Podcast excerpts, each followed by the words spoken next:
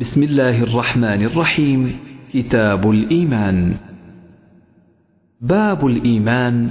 وقول النبي صلى الله عليه وسلم بني الإسلام على خمس. وهو قول وفعل ويزيد وينقص. قال الله تعالى ليزدادوا إيمانا مع إيمانهم وزدناهم هدى. ويزيد الله الذين اهتدوا هدى. والذين اهتدوا زادهم هدى وآتاهم تقواهم ويزداد الذين آمنوا إيمانا وقوله أيكم زادته هذه إيمانا فأما الذين آمنوا فزادتهم إيمانا وقوله جل ذكره فاخشوهم فزادهم إيمانا وقوله تعالى وما زادهم إلا إيمانا وتسليما والحب في الله والبغض في الله من الإيمان. وكتب عمر بن عبد العزيز إلى عدي بن عدي إن للإيمان فرائض وشرائع وحدودا وسننا. فمن استكملها استكمل الإيمان ومن لم يستكملها لم يستكمل الإيمان. فإن أعش فسأبينها لكم حتى تعملوا بها وإن أمت فما أنا على صحبتكم بحريص. وقال إبراهيم ولكن ليطمئن قلبي. وقال معاذ اجلس بنا نؤمن ساعة. وقال ابن مسعود اليقين الإيمان كله. وقال ابن عمر لا يبلغ العبد حقيقة التقوى حتى يدع ما حاك في الصدر. وقال مجاهد شرع لكم أوصيناك يا محمد وإياه دينا واحدا. وقال ابن عباس شرعة ومنهاجا سبيلا وسنة. باب دعاؤكم إيمانكم. حدثنا عبيد الله بن موسى. قال أخبرنا حنظلة بن أبي سفيان عن عكرمة بن خالد عن ابن عمر رضي الله عنهما قال قال رسول الله صلى الله عليه وسلم بني الإسلام على خمس. شهادة أن لا إله إلا الله وأن محمدا رسول الله وإقام الصلاة وإيتاء الزكاة والحج وصوم رمضان. باب أمور الإيمان وقول الله تعالى ليس البر أن تولوا وجوهكم قبل المشرق والمغرب ولكن البر من آمن بالله واليوم الآخر والملائكة والكتاب والنبيين وآتى المال على حبه ذوي القربى واليتامى والمساكين وابن السبيل والسائلين وفي الرقاب وأقام الصلاة وآتى الزكاة والموفون بعهدهم إذا عاهدوا والصابرين في البأساء والضراء وحين البأس أولئك الذين صدقوا وأولئك هم المتقون. قد أفلح المؤمنون. الآية حدثنا عبد الله بن محمد قال حدثنا أبو عامر العقدي قال حدثنا سليمان بن بلال عن عبد الله بن دينار عن أبي صالح عن أبي هريرة رضي الله عنه عن النبي صلى الله عليه وسلم قال الإيمان بضع وستون شعبة والحياء شعبة من الإيمان. باب المسلم من سلم المسلمون من لسانه ويده. حدثنا آدم بن أبي إياس قال حدثنا شعبة عن عبد الله بن أبي السفر وإسماعيل عن الشعبي عن عبد الله بن عمرو رضي الله عنهما عن النبي صلى الله عليه وسلم قال المسلم من سلم المسلمون من لسانه ويده والمهاجر من هاجر ما نهى الله عنه.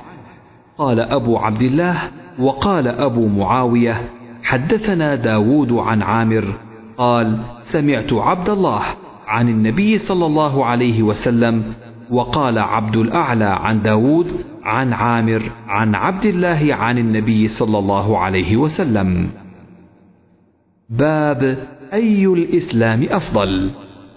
حدثنا سعيد بن يحيى بن سعيد القرشي قال حدثنا أبي قال حدثنا أبو بردة بن عبد الله بن أبي بردة عن أبي بردة عن أبي موسى رضي الله عنه قال قالوا يا رسول الله أي الإسلام أفضل؟ قال من سلم المسلمون من لسانه ويده. باب إطعام الطعام من الإسلام. حدثنا عمرو بن خالد قال حدثنا الليث عن يزيد عن أبي الخير عن عبد الله بن عمرو رضي الله عنهما أن رجلا سأل النبي صلى الله عليه وسلم أي الإسلام خير؟ قال تطعم الطعام وتقرأ السلام على من عرفت ومن لم تعرف. باب من الإيمان أن يحب لأخيه ما يحب لنفسه. حدثنا مسدد قال حدثنا يحيى عن شعبة عن قتادة عن أنس رضي الله عنه عن النبي صلى الله عليه وسلم وعن حسين المعلم. قال حدثنا قتادة عن أنس عن النبي صلى الله عليه وسلم قال لا يؤمن أحدكم حتى يحب لأخيه ما يحب لنفسه. باب حب الرسول صلى الله عليه وسلم من الإيمان. حدثنا أبو اليمان قال أخبرنا شعيب.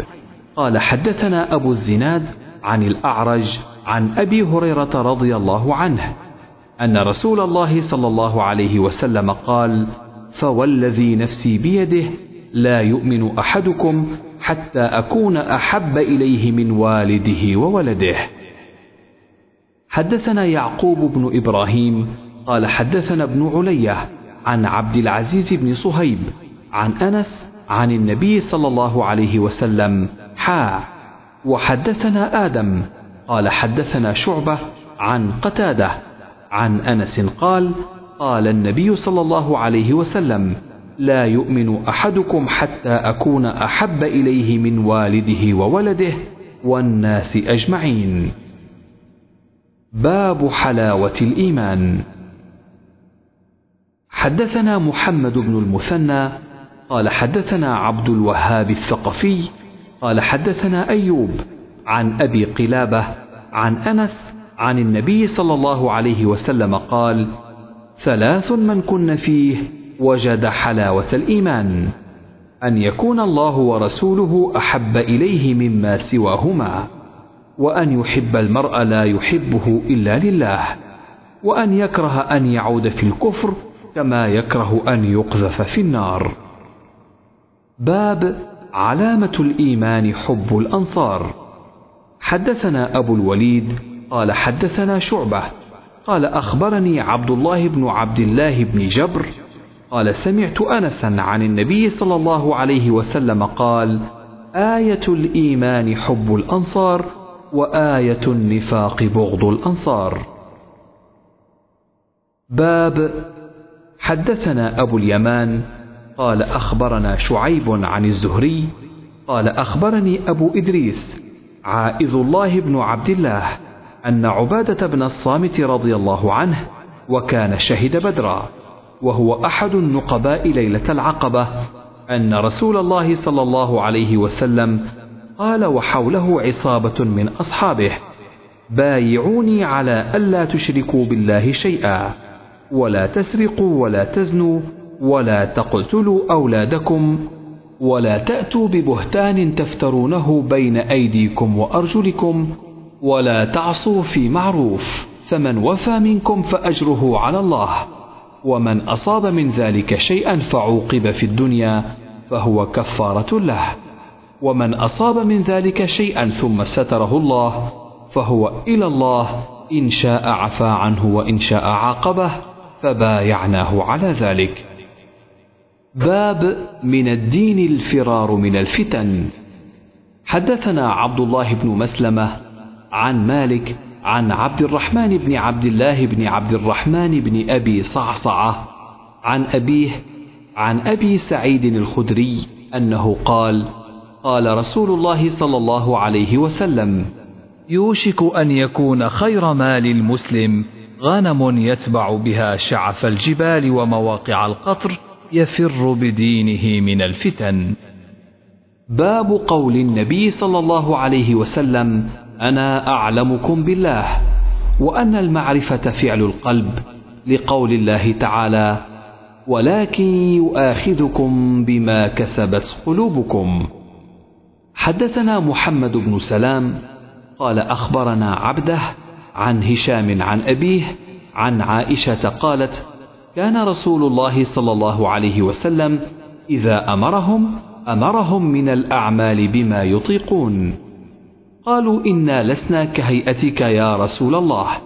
إن الله قد غفر لك ما تقدم من ذنبك وما تأخر فيغضب حتى يعرف الغضب في وجهه. ثم يقول إن أتقاكم وأعلمكم بالله أنا. باب من كره أن يعود في الكفر كما يكره أن يلقى في النار من الإيمان. حدثنا سليمان بن حرب قال حدثنا شعبة عن قتادة عن أنس رضي الله عنه عن النبي صلى الله عليه وسلم قال ثلاث من كن فيه وجد حلاوة الإيمان من كان الله ورسوله أحب إليه مما سواهما ومن أحب عبدا لا يحبه إلا لله ومن يكره أن يعود في الكفر بعد إذ أنقذه الله كما يكره أن يلقى في النار. باب تفاضل أهل الإيمان في الأعمال. حدثنا إسماعيل قال حدثني مالك عن عمرو بن يحيى المازني عن أبيه عن أبي سعيد الخدري رضي الله عنه عن النبي صلى الله عليه وسلم قال يدخل أهل الجنة الجنة وأهل النار النار. ثم يقول الله تعالى اخرجوا من كان في قلبه مثقال حبة من خردل من إيمان. فيخرجون منها قد اسودوا فيلقون في نهر الحياة أو الحياة شك مالك. فينبتون كما تنبت الحبة في جانب السيل. ألم تر أنها تخرج صفراء ملتوية؟ قال وهيب حدثنا عمرو الحياة. وقال خردل من خير. حدثنا محمد بن عبيد الله قال حدثنا إبراهيم بن سعد عن صالح عن ابن شهاب عن أبي أمامة بن سهل أنه سمع أبا سعيد الخدري يقول قال رسول الله صلى الله عليه وسلم بين أنا نائم رأيت الناس يعرضون علي وعليهم قمص منها ما يبلغ الثدي ومنها ما دون ذلك وعرض علي عمر بن الخطاب وعليه قميص يجره. قالوا فما أولت ذلك يا رسول الله؟ قال الدين. باب الحياء من الإيمان. حدثنا عبد الله بن يوسف قال أخبرنا مالك بن أنس عن ابن شهاب عن سالم بن عبد الله عن أبيه أن رسول الله صلى الله عليه وسلم مر على رجل من الأنصار وهو يعظ أخاه في الحياء. فقال رسول الله صلى الله عليه وسلم دعه فإن الحياء من الإيمان. باب فإن تابوا وأقاموا الصلاة وآتوا الزكاة فخلوا سبيلهم. حدثنا عبد الله بن محمد المسندي قال حدثنا أبو روح الحرمي بن عمارة قال حدثنا شعبة عن واقد بن محمد قال سمعت أبي يحدث عن ابن عمر أن رسول الله صلى الله عليه وسلم قال أمرت أن أقاتل الناس حتى يشهدوا أن لا إله إلا الله وأن محمدا رسول الله ويقيموا الصلاة ويؤتوا الزكاة فإذا فعلوا ذلك عصموا مني دماءهم وأموالهم إلا بحق الإسلام وحسابهم على الله. باب من قال إن الإيمان هو العمل لقول الله تعالى وتلك الجنة التي أورثتموها بما كنتم تعملون. وقال عدة من أهل العلم في قوله تعالى فوربك لنسألنهم أجمعين عما كانوا يعملون عن قول لا إله إلا الله. لمثل هذا فليعمل العاملون. حدثنا أحمد بن يونس وموسى بن إسماعيل. قالا حدثنا إبراهيم بن سعد. قال حدثنا ابن شهاب عن سعيد بن المسيب عن أبي هريرة أن رسول الله صلى الله عليه وسلم سئل أي العمل أفضل؟ فقال إيمان بالله ورسوله. قيل ثم ماذا؟ قال الجهاد في سبيل الله. قيل ثم ماذا؟ قال حج مبرور. باب إذا لم يكن الإسلام على الحقيقة وكان على الاستسلام أو الخوف من القتل. لقوله تعالى قالت الأعراب آمنا. قل لم تؤمنوا ولكن قولوا أسلمنا. فإذا كان على الحقيقة فهو على قوله جل ذكره. إن الدين عند الله الإسلام. حدثنا أبو اليمان قال أخبرنا شعيب عن الزهري قال أخبرني عامر بن سعد بن أبي وقاص عن سعد رضي الله عنه أن رسول الله صلى الله عليه وسلم أعطى رهطا وسعد جالس فترك رسول الله صلى الله عليه وسلم رجلا هو أعجبهم إلي فقلت يا رسول الله ما لك عن فلان؟ فوالله إني لأراه مؤمنا. فقال أو مسلما فسكت قليلا. ثم غلبني ما أعلم منه فعدت لمقالتي. فقلت ما لك عن فلان؟ فوالله إني لأراه مؤمنا. فقال أو مسلما. ثم غلبني ما أعلم منه. فعدت لمقالتي وعاد رسول الله صلى الله عليه وسلم. ثم قال يا سعد إني لأعطي الرجل وغيره أحب إلي منه خشية أن يكبه الله في النار. ورواه يونس وصالح ومعمر وابن أخي الزهري عن الزهري. باب إفشاء السلام من الإسلام. وقال عمار ثلاث من جمعهن فقد جمع الإيمان.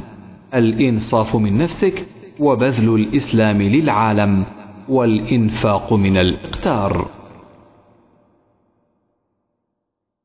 حدثنا قتيبة قال حدثنا الليث عن يزيد بن أبي حبيب عن أبي الخير عن عبد الله بن عمرو أن رجلا سأل رسول الله صلى الله عليه وسلم أي الإسلام خير؟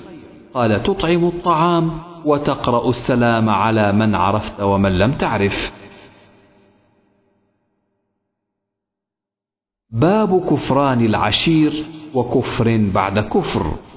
فيه عن أبي سعيد الخدري عن النبي صلى الله عليه وسلم. حدثنا عبد الله بن مسلمة عن مالك عن زيد بن أسلم عن عطاء بن يسار عن ابن عباس قال قال النبي صلى الله عليه وسلم أريت النار فإذا أكثر أهلها النساء يكفرن. قيل أيكفرن بالله؟ قال يكفرن العشير ويكفرن الإحسان. لو أحسنت إلى إحداهن الدهر ثم رأت منك شيئا قالت ما رأيت منك خيرا قط. باب المعاصي من أمر الجاهلية ولا يكفر صاحبها بارتكابها إلا بالشرك لقول النبي صلى الله عليه وسلم إنك امرؤ فيك جاهلية. وقول الله تعالى إن الله لا يغفر أن يشرك به ويغفر ما دون ذلك لمن يشاء. حدثنا سليمان بن حرب قال حدثنا شعبة عن واصل الأحدب عن المعرور قال لقيت أبا ذر بالربذة وعليه حلة وعلى غلامه حلة. فسألته عن ذلك فقال إني ساببت رجلا فعيرته بأمه. فقال لي النبي صلى الله عليه وسلم يا أبا ذر أعيرته بأمه. إنك امرؤ فيك جاهلية. إخوانكم خولكم. جعلهم الله تحت أيديكم. فمن كان أخوه تحت يده فليطعمه مما يأكل وليلبسه مما يلبس. ولا تكلفوهم ما يغلبهم فإن كلفتموهم فأعينوهم. باب وإن طائفتان من المؤمنين اقتتلوا فأصلحوا بينهما فسماهم المؤمنين. حدثنا عبد الرحمن بن المبارك حدثنا حماد بن زيد حدثنا أيوب ويونس عن الحسن عن الأحنف بن قيس قال ذهبت لأنصر هذا الرجل فلقيني أبو بكرة فقال أين تريد؟ قلت أنصر هذا الرجل.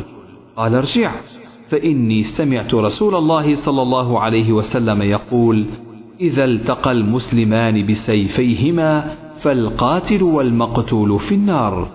فقلت يا رسول الله هذا القاتل فما بال المقتول؟ قال إنه كان حريصا على قتل صاحبه. باب ظلم دون ظلم. حدثنا أبو الوليد قال حدثنا شعبة. حا قال وحدثني بشر. قال حدثنا محمد عن شعبة عن سليمان عن إبراهيم عن علقمة عن عبد الله قال لما نزلت الذين آمنوا ولم يلبسوا إيمانهم بظلم؟ قال أصحاب رسول الله صلى الله عليه وسلم أينا لم يظلم فأنزل الله إن الشرك لظلم عظيم. باب علامة المنافق. حدثنا سليمان أبو الربيع قال حدثنا إسماعيل بن جعفر قال حدثنا نافع بن مالك بن أبي عامر أبو سهيل عن أبيه عن أبي هريرة عن النبي صلى الله عليه وسلم قال آية المنافق ثلاث إذا حدث كذب وإذا وعد أخلف وإذا اؤتمن خان. حدثنا قبيصة بن عقبة قال حدثنا سفيان عن الأعمش عن عبد الله بن مرة عن مسروق عن عبد الله بن عمرو أن النبي صلى الله عليه وسلم قال أربع من كن فيه كان منافقا خالصا ومن كانت فيه خصلة منهن كانت فيه خصلة من النفاق حتى يدعها. إذا اؤتمن خان وإذا حدث كذب وإذا عاهد غدر وإذا خاصم فجر. تابعه شعبة عن الأعمش. باب قيام ليلة القدر من الإيمان. حدثنا أبو اليمان قال أخبرنا شعيب قال حدثنا أبو الزناد عن الأعرج عن أبي هريرة قال قال رسول الله صلى الله عليه وسلم من يقم ليلة القدر إيمانا واحتسابا غفر له ما تقدم من ذنبه. باب الجهاد من الإيمان. حدثنا حرمي بن حفص قال حدثنا عبد الواحد قال حدثنا عمارة قال حدثنا أبو زرعة بن عمرو بن جرير قال سمعت أبا هريرة عن النبي صلى الله عليه وسلم قال انتدب الله لمن خرج في سبيله لا يخرجه إلا إيمان بي وتصديق برسلي أن أرجعه بما نال من أجر أو غنيمة أو أدخله الجنة. ولولا أن أشق على أمتي ما قعدت خلف سرية. ولوددت أني أقتل في سبيل الله ثم أحيا ثم أقتل ثم أحيا ثم أقتل. باب تطوع قيام رمضان من الإيمان. حدثنا إسماعيل قال حدثني مالك عن ابن شهاب عن حميد بن عبد الرحمن عن أبي هريرة أن رسول الله صلى الله عليه وسلم قال من قام رمضان إيمانا واحتسابا غفر له ما تقدم من ذنبه. باب صوم رمضان احتسابا من الإيمان. حدثنا ابن سلام قال أخبرنا محمد بن فضيل قال حدثنا يحيى بن سعيد عن أبي سلمة عن أبي هريرة قال قال رسول الله صلى الله عليه وسلم من صام رمضان إيمانا واحتسابا غفر له ما تقدم من ذنبه. باب الدين يسر وقول النبي صلى الله عليه وسلم أحب الدين إلى الله الحنيفية السمحة. حدثنا عبد السلام بن مطهر قال حدثنا عمر بن علي عن معن بن محمد الغفاري عن سعيد بن أبي سعيد المقبوري عن أبي هريرة عن النبي صلى الله عليه وسلم قال إن الدين يسر ولن يشاد الدين أحد إلا غلبه فسددوا وقاربوا وأبشروا واستعينوا بالغدوة والروحة وشيء من الدلجة. باب الصلاة من الإيمان. وقول الله تعالى وما كان الله ليضيع إيمانكم يعني صلاتكم عند البيت. حدثنا عمرو بن خالد قال حدثنا زهير قال حدثنا أبو إسحاق عن البراء أن النبي صلى الله عليه وسلم كان أول ما قدم المدينة نزل على أجداده. أو قال أخواله من الأنصار وأنه صلى قبل بيت المقدس ستة عشر شهرا أو سبعة عشر شهرا. وكان يعجبه أن تكون قبلته قبل البيت وأنه صلى أول صلاة صلاها صلاة العصر وصلى معه قوم. فخرج رجل ممن صلى معه فمر على أهل مسجد وهم راكعون فقال أشهد بالله لقد صليت مع رسول الله صلى الله عليه وسلم قبل مكة. فداروا كما هم قبل البيت وكانت اليهود قد أعجبهم إذ كان يصلي قبل بيت المقدس وأهل الكتاب. فلما ولى وجهه قبل البيت أنكروا ذلك. قال زهير حدثنا أبو إسحاق عن البراء في حديثه هذا أنه مات على القبلة قبل أن تحول رجال. قال زهير حدثنا أبو إسحاق عن البراء في حديثه هذا أنه مات على القبلة قبل أن تحول رجال وقتلوا فلم ندر ما نقول فيهم. فأنزل الله تعالى وما كان الله ليضيع إيمانكم. باب حسن إسلام المرء. قال مالك أخبرني زيد بن أسلم أن عطاء بن يسار أخبره أن أبا سعيد الخدري أخبره أنه سمع رسول الله صلى الله عليه وسلم يقول إذا أسلم العبد فحسن إسلامه يكفر الله عنه كل سيئة كان زلفها وكان بعد ذلك القصاص الحسنة بعشر أمثالها إلى سبعمائة ضعف والسيئة بمثلها إلا أن يتجاوز الله عنها. حدثنا إسحاق بن منصور قال حدثنا عبد الرزاق قال أخبرنا معمر عن همام عن أبي هريرة قال قال رسول الله صلى الله عليه وسلم إذا أحسن أحدكم إسلامه فكل حسنة يعملها يكتب له بعشر أمثالها إلى سبعمائة ضعف. وكل سيئة يعملها يكتب له بمثلها. باب أحب الدين إلى الله أدومه. حدثنا محمد بن المثنى حدثنا يحيى عن هشام قال أخبرني أبي عن عائشة أن النبي صلى الله عليه وسلم دخل عليها وعندها امرأة. قال من هذه؟ قالت فلانة. تذكر من صلاتها. قال مه عليكم بما تطيقون. فوالله لا يمل الله حتى تملوا. وكان أحب الدين إليه ما داوم عليه صاحبه. باب زيادة الإيمان ونقصانه. وقول الله تعالى وزدناهم هدى. ويزداد الذين آمنوا إيمانا. وقال اليوم أكملت لكم دينكم فإذا ترك شيئا من الكمال فهو ناقص. حدثنا مسلم بن إبراهيم قال حدثنا هشام قال حدثنا قتادة عن أنس عن النبي صلى الله عليه وسلم قال يخرج من النار من قال لا إله إلا الله وفي قلبه وزن شعيرة من خير. ويخرج من النار من قال لا إله إلا الله وفي قلبه وزن برة من خير.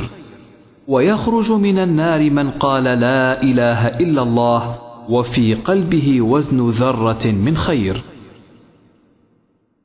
قال أبو عبد الله قال أبان حدثنا قتادة حدثنا أنس عن النبي صلى الله عليه وسلم من إيمان مكان من خير.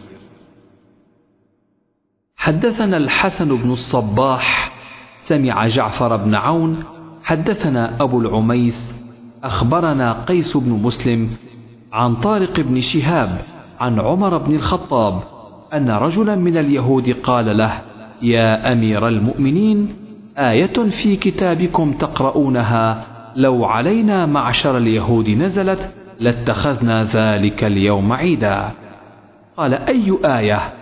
قال اليوم أكملت لكم دينكم وأتممت عليكم نعمتي ورضيت لكم الإسلام دينا. قال عمر قد عرفنا ذلك اليوم والمكان الذي نزلت فيه على النبي صلى الله عليه وسلم وهو قائم بعرفة يوم جمعة. باب الزكاة من الإسلام وقوله وما أمروا إلا ليعبدوا الله مخلصين له الدين حنفاء ويقيموا الصلاة ويؤتوا الزكاة وذلك دين القيمة. حدثنا إسماعيل قال حدثني مالك بن أنس عن عمه أبي سهيل بن مالك عن أبيه أنه سمع طلحة بن عبيد الله يقول جاء رجل إلى رسول الله صلى الله عليه وسلم من أهل نجد ثائر الرأس يسمع دوي صوته ولا يفقه ما يقول. حتى دنا فإذا هو يسأل عن الإسلام فقال رسول الله صلى الله عليه وسلم خمس صلوات في اليوم والليلة. فقال هل علي غيرها؟ قال لا إلا أن تطوع. قال رسول الله صلى الله عليه وسلم وصيام رمضان. قال هل علي غيره؟ قال لا إلا أن تطوع. قال وذكر له رسول الله صلى الله عليه وسلم الزكاة. قال هل علي غيرها؟ قال لا إلا أن تطوع. قال فأدبر الرجل وهو يقول والله لا أزيد على هذا ولا أنقص. قال رسول الله صلى الله عليه وسلم أفلح إن صدق. باب اتباع الجنائز من الإيمان. حدثنا أحمد بن عبد الله بن علي المنجوفي. قال حدثنا روح قال حدثنا عوف عن الحسن ومحمد عن الحسن ومحمد عن أبي هريرة أن رسول الله صلى الله عليه وسلم قال من اتبع جنازة مسلم إيمانا واحتسابا وكان معه حتى يصلى عليها ويفرغ من دفنها فإنه يرجع من الأجر بقيراطين كل قيراط مثل أحد. ومن صلى عليها ثم رجع قبل أن تدفن فإنه يرجع بقيراط. تابعه عثمان المؤذن. قال حدثنا عوف عن محمد عن أبي هريرة عن النبي صلى الله عليه وسلم نحوه. باب خوف المؤمن من أن يحبط عمله وهو لا يشعر. وقال إبراهيم التيمي ما عرضت قولي على عملي إلا خشيت أن أكون مكذبا وقال ابن أبي مليكة أدركت ثلاثين من أصحاب النبي صلى الله عليه وسلم كلهم يخاف النفاق على نفسه. ما منهم أحد يقول إنه على إيمان جبريل وميكائيل ويذكر عن الحسن ما خافه إلا مؤمن ولا أمنه إلا منافق.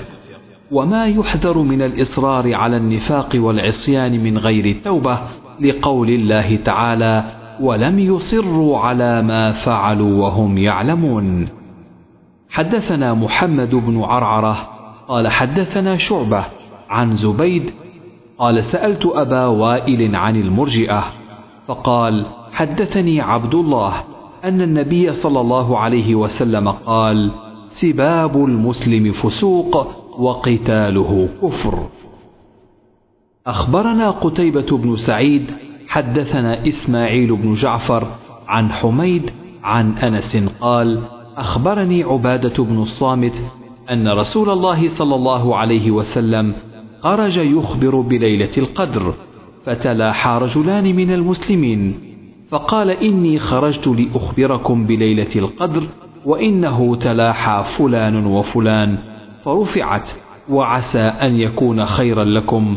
التمسوها في السبع والتسع والخمس. باب سؤال جبريل النبي صلى الله عليه وسلم عن الإيمان والإسلام والإحسان وعلم الساعة وبيان النبي صلى الله عليه وسلم له. ثم قال جاء جبريل عليه السلام يعلمكم دينكم فجعل ذلك كله دينا. وما بين النبي صلى الله عليه وسلم لوفد عبد القيس من الإيمان وقوله تعالى ومن يبتغ غير الإسلام دينا فلن يقبل منه. حدثنا مسدد قال حدثنا إسماعيل بن إبراهيم أخبرنا أبو حيان التيمي عن أبي زرعة عن أبي هريرة قال كان النبي صلى الله عليه وسلم بارزا يوما للناس فأتاه جبريل فقال ما الإيمان؟ قال الإيمان أن تؤمن بالله وملائكته وبلقائه ورسله وتؤمن بالبعث. قال ما الإسلام؟ قال الإسلام أن تعبد الله ولا تشرك به وتقيم الصلاة وتؤدي الزكاة المفروضة وتصوم رمضان. قال ما الإحسان؟ قال أن تعبد الله كأنك تراه فإن لم تكن تراه فإنه يراك. قال متى الساعة؟ قال ما المسؤول عنها بأعلم من السائل وسأخبرك عن أشراطها. إذا ولدت الأمة ربها وإذا تطاول رعاة الإبل البهم في البنيان في خمس لا يعلمهن إلا الله.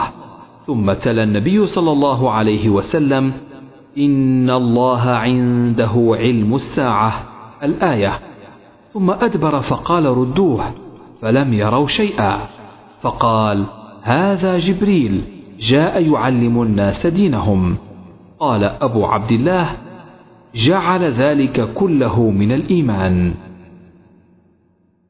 باب حدثنا إبراهيم بن حمزة.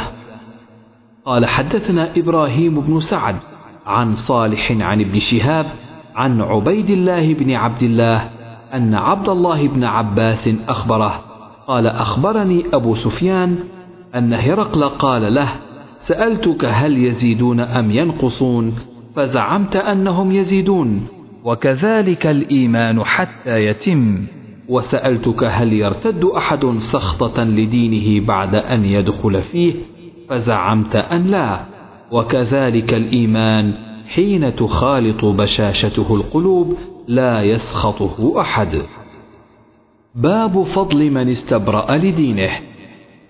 حدثنا أبو نعيم حدثنا زكرياء عن عامر قال سمعت النعمان بن بشير يقول سمعت رسول الله صلى الله عليه وسلم يقول الحلال بين والحرام بين وبينهما مشبهات. لا يعلمها كثير من الناس فمن اتقى المشبهات استبرأ لدينه وعرضه ومن وقع في الشبهات كراعي يرعى حول الحمى يوشك أن يواقعه ألا وإن لكل ملك حمى ألا إن حمى الله في أرضه محارمه ألا وإن في الجسد مضغة إذا صلحت صلح الجسد كله وإذا فسدت فسد الجسد كله. ألا وهي القلب.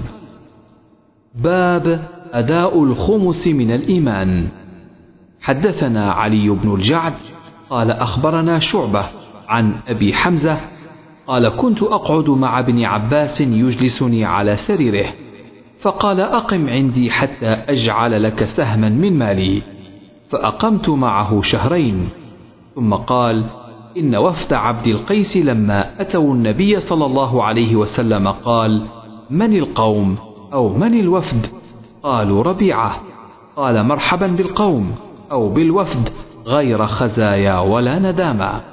فقالوا يا رسول الله إنا لا نستطيع أن نأتيك إلا في شهر الحرام وبيننا وبينك هذا الحي من كفار مضر.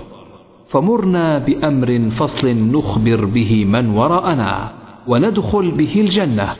وسألوه عن الأشربة فأمرهم بأربع ونهاهم عن أربع. أمرهم بالإيمان بالله وحده. قال أتدرون ما الإيمان بالله وحده؟ قالوا الله ورسوله أعلم. قال شهادة أن لا إله إلا الله وأن محمدا رسول الله. وإقام الصلاة وإيتاء الزكاة وصيام رمضان وأن تعطوا من المغنم الخمس. ونهاهم عن أربع عن الحنتم والدباء والنقير والمزفت. وربما قال المقير وقال احفظوهن وأخبروا بهن من وراءكم. باب ما جاء أن الأعمال بالنية والحسبة ولكل امرئ ما نوى. فدخل فيه الإيمان والوضوء والصلاة والزكاة والحج والصوم والأحكام. وقال الله تعالى قل كل يعمل على شاكلته على نيته. نفقة الرجل على أهله يحتسبها صدقة.